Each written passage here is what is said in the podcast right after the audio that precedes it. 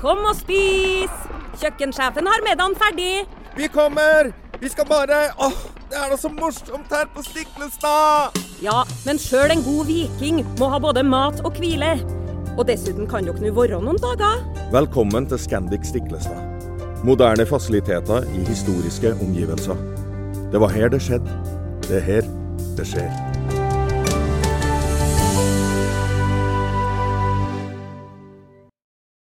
Hold pusten, for dette er halloweenhelg. Advarsel. Disse sakene er groteske og grafiske.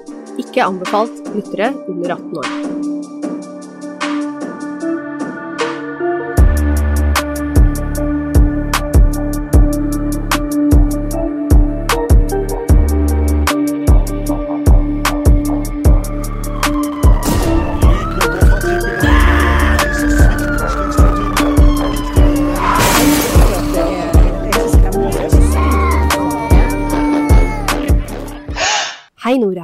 Hei, Heidi. Hei. Happy halloween. Happy halloween. Nå skal vi gjøre noe vi ikke har gjort før. Vi har en spesialepisode. Ja, det blir gøy. Ja, eh, nytt konsept for oss, og alle lytterne selvfølgelig. Mm. Eh, vi tar hver vår sak, som er eh, noe av det jævligste vi har hørt om, Yes. for å gjøre det ordentlig, ordentlig ekkelt. Ja. Ja. Creepy. Ja. Ja. Kan du si. Nei, jeg syns eh, helt for jævlig den saken eh, jeg har tatt. Så der er det ikke Jeg legger ikke skjul på noe. Nei. Nei. Nei, Så legger ikke noe imellom, nei. Nei. altså, dere har blitt advart alle sammen. Ja. ja. Jeg bare kjører på. kjør på. Vi skal ikke ha så mye tomprat. Det Nei. er tross alt halloween. Yes. Takk, Heidi. Det var hyggelig. Dette her, som jeg skal fortelle om, er en av de verste sakene jeg noen gang har hørt. Med unntak av noen ytterst få tortursaker som involverer barn. Denne har faktisk ikke noe barn med, takke faen for det, men det er helt jævlig. Dere er herved advart på det sterkeste, og husk fjellvettreglene. Det er ingen skam å snu. Skru av når du kjenner det holder. Jeg fant ut at min niese på 13 år hører på oss, Heidi. Oi. Og jeg vil bare si til deg, Hedda, at jeg tror ikke at denne episoden er for deg. Takk for at du støtter oss, men denne er fæl. Ja. Jeg skal nemlig fortelle om The Ripper Crew i Chicago.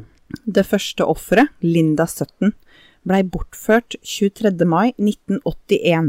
Ti dager seinere blei hun funnet død, knivstikket, lemlesta, og hun mangla den venstre puppen. Hun kunne bare identifiseres på tenna. Saken forblei uløst lenge. Året etter, 15. mai 1982, blei Laurie Borowski bortført idet hun skulle åpne eiendomsmeglerkontoret hvor hun jobba. Etterforskere avhørte vitner i samarbeid med en hypnotisør, faktisk, og de fikk ett spor, en rød varebil på parkeringsplassen, men også denne saken forblei uløst lenge. Kroppen hennes dukka opp lemlesta på en kjerkegård fem måneder senere. To uker etter Laurie forsvant, så blei også Shui Mack bortført. Hun blei ikke funnet før fire måneder seinere, også hun lemlesta. 13. juni samme året, 1982 altså, blei Angel York bortført. Hun blei dumpa i veikanten, også hun blei lemlesta, men når de fant henne, så var hun i live. Ja. Hun ga all informasjonen hun kunne til politiet, og det førte ingen steder. 28. august blei neste offer, Sandra Delaware, funnet knivstukket og kvert, og hun mangla den venstre puppen. Rose Davis ble funnet 8. september på akkurat samme viset som Sandra. Tre dager seinere forsvant også Carol Papas, en baseballfrue, fra en butikk i nærliggende Wheaton. Det er ikke så lett å bli klok på, fordi flere av ofrene var sexarbeidere. Men ikke alle. For eksempel Carol her, hun var jo baseballfrue. Mm. Så veldig variasjon. Vanskelig å se en rød tråd blant ofrene, kanskje, annet enn at eh, de er damer. Og for å gjøre alt mye, mye verre, de som ble funnet med en manglende pupp, det viser seg at den amputasjonen ble gjort før de døde. Oh my god. Endelig kom et gjennombrudd i saken 6. oktober 1982. Den morgenen så fant de Beverly Washington, 20 år, naken og medtatt ved sida av jernbanelinja i Chicago. Den venstre puppen var fjerna, men hun levde, og hun fikk fortalt detaljert hva hun var utsatt for. Hun blei dratt inn i en eh, varebil, kunne hun fortelle, fikk på seg håndjern og blei fora en håndfull piller. Hennes angripere brukte en pianostreng, som hun sa altså en tynn metalltråd rundt puppen hennes, og dro den strammere og strammere til hun besvimte. Hun fikk også beskrevet eh, bilen, og hun sa det var en rød varebil, akkurat sånn som den som blei sett når Laurie Borowski forsvant, med en ekstra detalj som hjalp politiet. Det var en finerplate mellom førerhuset, for å si det sånn, og varebildelen. da. Ti dager seinere stopper politiet en varebil som matcher beskrivelsen, og sjåføren, Edvard Spreitzer, var veldig nevrotisk og nervøs. Edvard forteller at det er ikke hans bil, den tilhører sjefen hans, Robin Gecht. Politiet følger opp eh, Robin, og ser at han matcher beskrivelsen de har fått av Beverly, perfekt. De tauer han inn, og de spør han ut, men han nekter for alt. Og av manglende bevis, så må de la han gå. Da velger de heller å kalle inn Edvard Spreitzer. For han greide jo ikke å holde seg rolig litt engang. Så han forteller politiet om den faenskapen de har holdt på med. Og når du tror det ikke var verre enn litt puppeskjæring og drap, så blir det absolutt verre. Når de har fjerna puppen, så stakk de en kniv ned i såret der hvor puppen var. Hedda på 13 år, nå håper jeg du har skrudd av for lengst. De stakk en kniv ned i såret der hvor puppen var, og så penetrerte de det såret. Ja da, jeg veit ikke hvordan Altså, kan man kalle det å voldta? De, de penetrerte knivhølet. Å, fy faen. Eh, vi er ikke ferdig. Puppen de skjærte av Altså, det her er det jævligste. Mm. Puppen de skjærte av, tok de med seg hjem og la i en fin liten boks. Og så satt de rundt og messa sataniske vers og runka i boksen og ejakulerte på puppen.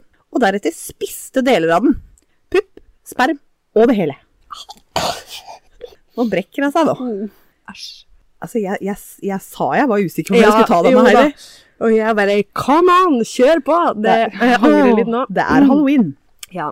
Thomas Cocarales sa at han en gang kunne telle 15 pupper i den boksen. Edvard Spreitzer innrømmer faktisk drapet på sju kvinner, og han impliserer også Andrew Kokarales.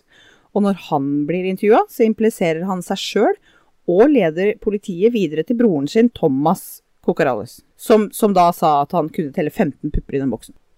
Så politiet har nå fire mistenkte, hvor tre av de innrømmer drap, tortur, voldtekt osv. Stedet de brukte til sitt lille ritu rituale, var loftet til Gekt. Thomas Cocorales innrømte og blei dømt for mordet på Laurie Borowski. Andrew Cocorales blei dømt for flere mord, blant annet Borowski og Linda Sutton, det første offeret de fant. Andrew blei faktisk henretta i 1999. Det er litt trøst å få her. ja. Han eh, var den siste som blei henretta i Illinois. Tolv år seinere så slutta de faktisk med dødsstraff. Edvard Spreitzer han innrømte fire drap og et drapsforsøk, og blei dømt til døden, men han fikk dommen omgjort i 2003. Robin Gecht han fikk 120 år for drapsforsøk og voldtekt av Beverly Washington, hun som overlevde. De hadde ikke beviser til å få dømt ham for noe mer. Og han kan prøveløslates i 2042. Lederen. Hvor gammel blir han da? Da er han gammel, da. Ja, okay. Da er han ordentlig gammel. Men liksom at den Ja. sjukeste, sjukeste faen Ja. Kan løslates Ja. i 42. Jeg tror, jeg tror han kommer til å være eh, 89 år eller noe, jeg. ja. Ja. Men uansett. Nei, ikke greit. Nei. Nei. Thomas Kokarales, eh, som innrømte å ble dømt for mordet på Laurie Borowski, han som sa han hadde sett 15 pupper i den boksen, han ble løslatt i mars 2019 etter å ha sittet inne halve dommen på 70 år. Han bor på et sted som heter Wayside Cross Ministries på 215. New York Street i Aurora, Illinois. Som du skjønner, pga. den seksualiserte delen av drapene, så må han også registrere sin adresse offentlig, som alle andre sexforbrytere. Så bra. Han får lov å bo nære skoler, da, siden han ikke er pedo. Han er tross alt bare torturist, drapsmann, kannibal, muligens nekrofil og alt det der. Ute i det fri! Kan du noe om eh, satanisme, Heidi? Nei, jeg kan ikke så mye om det, ass. Jeg bare veit det er uh, jævlig. Men det er ikke det, egentlig. Nei, det På 80-tallet så var det jo mye satanic panic, det har du sikkert fått med deg. Ja. At, uh, ja, jeg tror vi kan sette to streker under panikk der. Fordi som alltid når religiøse fanatikere er på tur, så er det folk som har misforstått. Satanisme handler ikke om å drepe eller dyrke ondskap. Det handler om å dyrke seg sjøl individualisme og fri vilje. Og hvis du leser i sataniske bud, så ser du at man alltid skal være respektfull når man drar til andres eiendom. Det er ikke mening, ikke gi meninga di engang til andre hvis ikke de har bedt om den. Ikke skad barn, ikke drep dyr med mindre under angrep eller for mat. Altså, du skjønner. Ja. Det er ganske, ganske bra greier, egentlig. Ja. Toppen av logikk. Det er ikke noe ille. Men det er definitivt ikke dette de gutta driver med. Nei. Så jeg vil gjerne si bullshit til deres tilnærming av det okkulte, og vil understreke at det ligner like mye på satanisme som islamistiske terrorister ligner på muslimer. Ja. Altså ikke i det hele tatt. Nei. Nei. En interessant detalj her nå er at Robin Gecht, han lederen, Mm. som kan prøvelates løslates i 2042, Ja. han jobba på en plass som het PDM Contractors, som tilfeldigvis var eid av Krimis kollega John Wayne Gacy. Og det ringer sikkert en bjelle for deg, og samtlige av våre lyttere, men her er en påminnelse. John Wayne Gacy, også kjent som The Killer Clown, var en seriemorder som opererte i Chicago mellom 1972 og 1978. Han ble dømt og henretta for voldtekt og drap på 33 gutter og unge menn, og fikk en plass i Guinness rekordbok for lengste straff noen gang på det tidspunktet gitt en seriemorder som var 21 ganger livstid og 12 dødsdommer. Han sa en gang at han jobba ikke aleine, at han hadde en partner. Partneren blei aldri funnet. Hva er oddsen for at to psykopater jobber sammen? Så nærme. Hvis Gacy hadde en partner, så var det mest sannsynlig Ja. Robin Gecht. Ja. Ja. Å, shit. Vær så god. Visste jeg ikke. Takk. Det var uh, min uh, Å, fy fader. jævlige halloween-historie. At den var jævlig, men fy fader, så Den der vrien der, den, den likte jeg, altså. Ja, det kommer litt av sånn der uh, Litt av kul detalj på slutten. Ja. Oppå Ja, alt det jævlige. Ja, oppå alt det jævlige. Men litt logisk, da, Ja. syns jeg. ja. Veldig For jeg sitter og Jeg har vurdert å ta den, skjønner du, noen ganger. John? Ja, ja, ja. Mm. Jeg har den på lista mi. Ja, gjør, gjør gjerne det. Ja, ja, så kanskje det. Kanskje det blir. Ja. Eh, min historie, derimot, går ut på han Ed Gein. Æsj. Ja. Så her kommer jeg til å bli veldig grafisk, så Har vett til å snu i tide. har vett til å snu i tide. Helt riktig. Helt riktig. Ja. Så jeg kommer med en advarsel før jeg går til det veldig ekle her, så kan man bestemme sjøl om man vil skru av eller gå på neste episode. Ed Gain ble Unnskyld, nå sier jeg Gain. Gein? There you ja, yeah, Ja, there you go. Thank you. Eh, Ed Gein ble født 27. august i 1906 i Wisconsin i USA. Da Gein var åtte år, flyttet familien til Plainfield. Dette fordi moren mente ungene kunne ha et bedre liv der. Og innbyggerne på denne tiden var det om lag sånn 500-600 stykker, så det var et veldig lite sted. Eh, Dette var da, når de flytta, var 1914. Moren, Augusta, var ekstremt kristen og forlangte at barna ikke skulle prate med andre mennesker enn de innad i familien. Alle andre var tross alt horer og syndere. Oi, wow! Ja. Ja, jaha. ja og Love thy neighbor, er ikke det, er ikke det bud eller noe? Ja, elsk din eh, neste, eller? Ja. Ja, nei, Nei, det, ikke for henne. Nei. Eh, George, som da var faren, han eh, var alkoholiker og var ikke særlig mye bedre egentlig enn moren. Eh, og dette førte da til at Ed han levde et veldig isolert liv, men han elsket å lese, og han blei en veldig smart gutt. I 1940 dør faren til Ed, og nå er det kun Ed, moren og så broren Henry som da overtar gården. Ed eh, ble en handyman og vaktmester i byen for å hjelpe til med utgiftene på gården, eh, og han var en stille og rolig mann, men veldig snill og hyggelig ifølge de han, som han snakket med, da, av de som bodde i byen. I mai 1944 brant det på gården, og mens Ed og Henry prøvde å slukke brannen, så forsvinner Henry. Oi. Og når de finner han, så ser de at han har store skader over hele hodet. Oi, uff da. Ifølge rettsmedisinerne på dette tidspunktet så sa de at Henry døde av hjerteinfarkt pga. stresset rundt brannen, og at han da hadde falt om og slått hodet. Jaha. Ja, 1944, rettsmedisin der altså. helt riktig. Ja. Moren tok eh, dødsfallet til Henry veldig tungt, og fikk hjerteproblemer.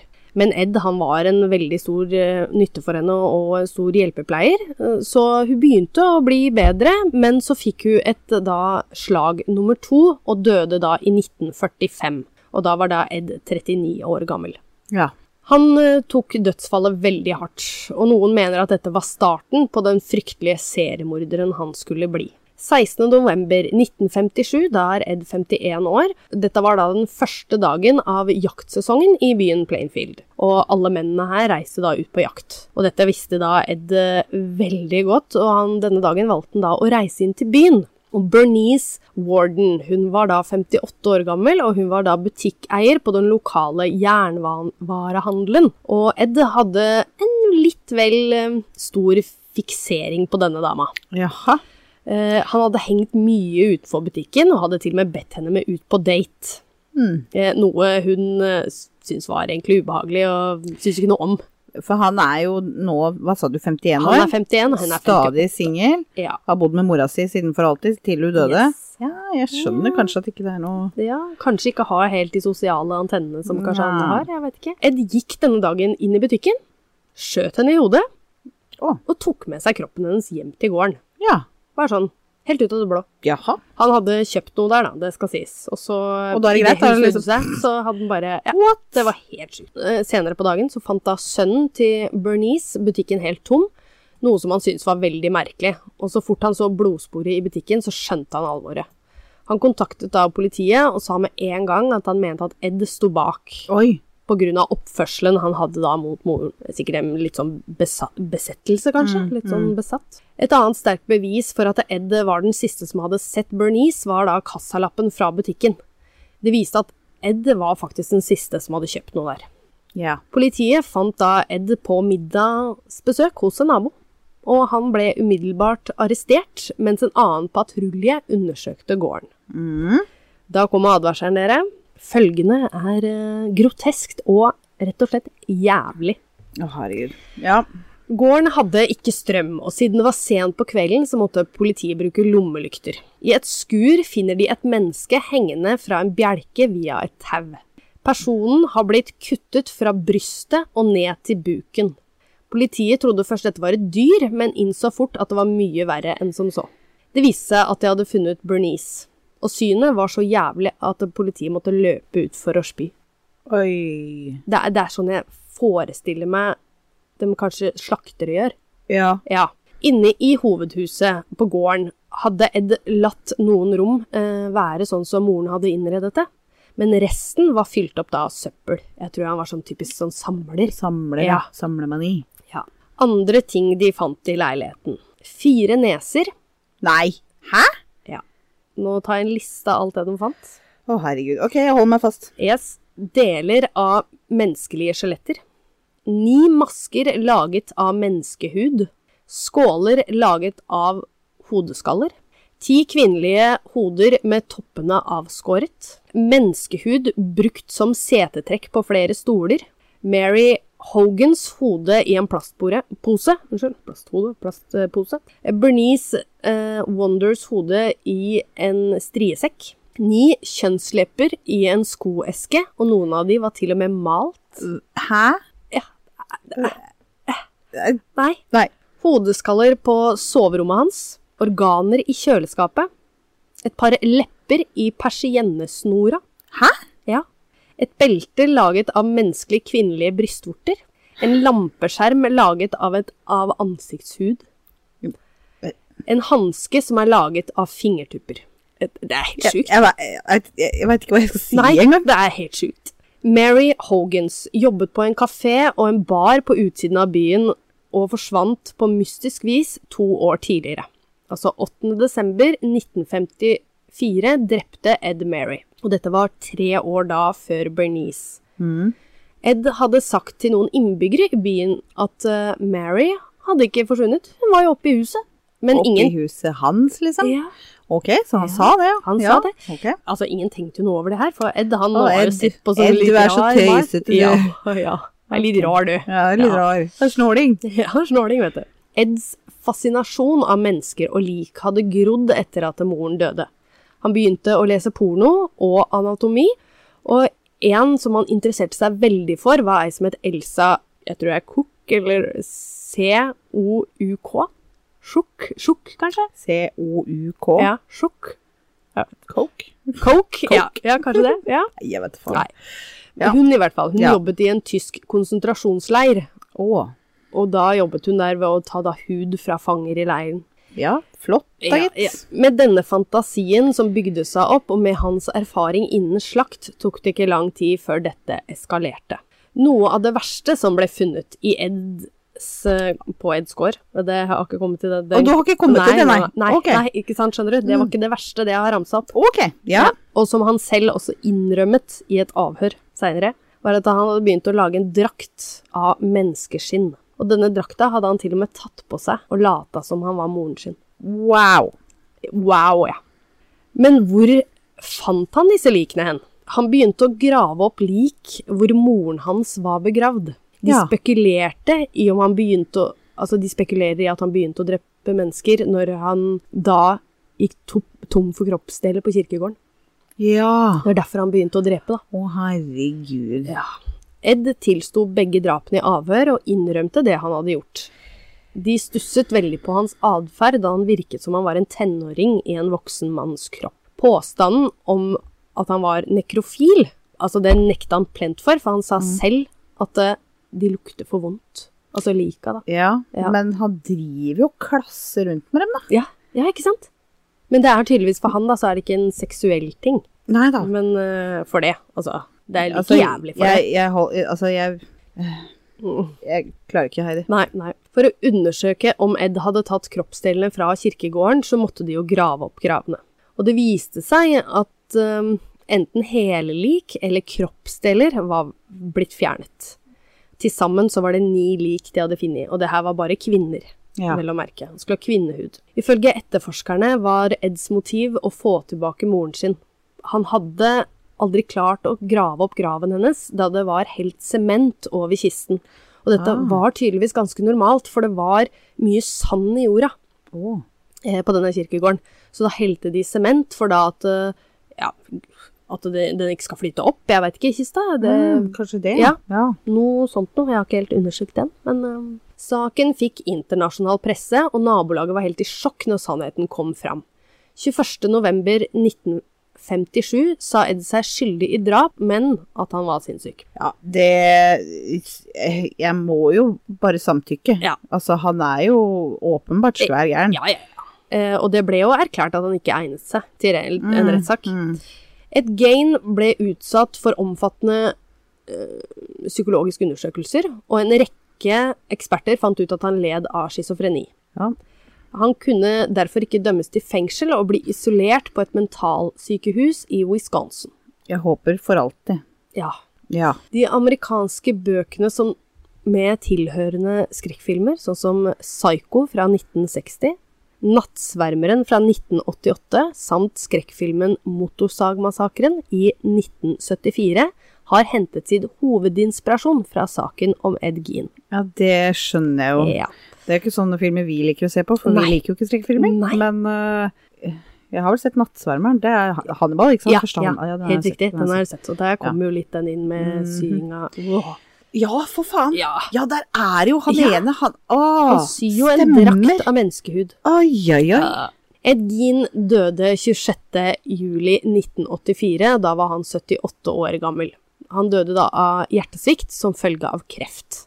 Graven hans i Plinfield eh, gravlund ble jevn, jevnlig vandalisert. Flere biter av gravsteinen hans ble slått løs og tatt som suvenir.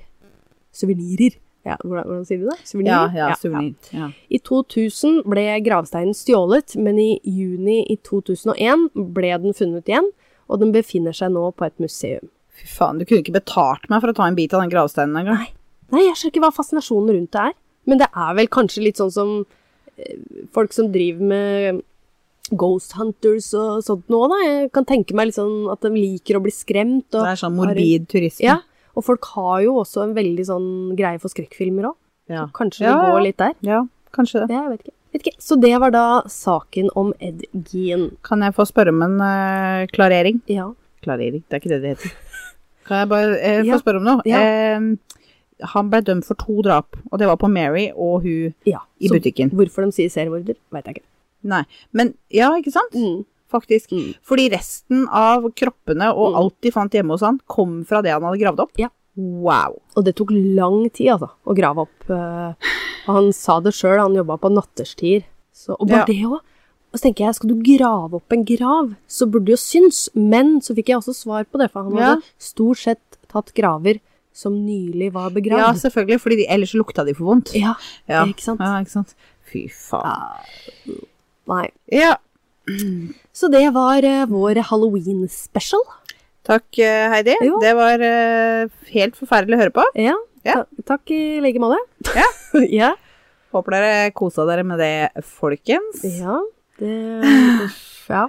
Jeg, jeg føler at eh, vi må gå og ta en dusj eller noe, fordi Ja. Det Ja. Jeg følte meg skitten Ja. etter jeg hadde drevet med den saken. der. Yep. Jepp. Så nei, nei, nei. Nei, fortell oss hva dere syns sjøl. Vi kommer til å legge ut bilder av historiene våre Det gjør vi.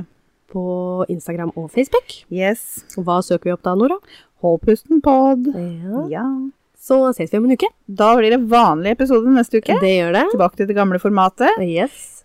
Da tar vi én historie hver eh, episode. Men eh, happy halloween da, dere. Ja, ha det gøy. Kos dere med godis i helga. Trick and treat. Jepp. Or treat, kanskje. Ja. Trick or Jeg treat. tar gjerne begge deler. Ja, hvorfor ikke? ja. Vi snakkes neste uke, folkens. Det gjør vi. Ha det. Ha det.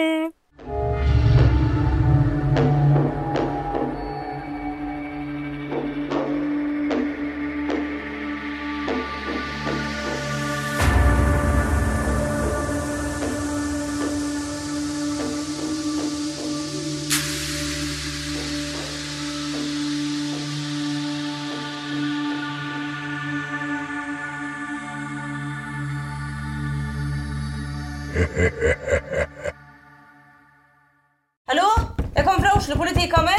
Ine Jansen er purk. Er du purk? The motherfucking bitch. Alt jeg vil, er å finne ut hva som skjedde med mannen min. Jon Carew. Er jeg sikta for noe? Iben Akeli. Det er du. Ole So, Lars Berrum og Big Daddy Karsten. Hvem sin side er du på, egentlig? Anette Hoff. Tone Danielsen. Kommer du fra Afrika?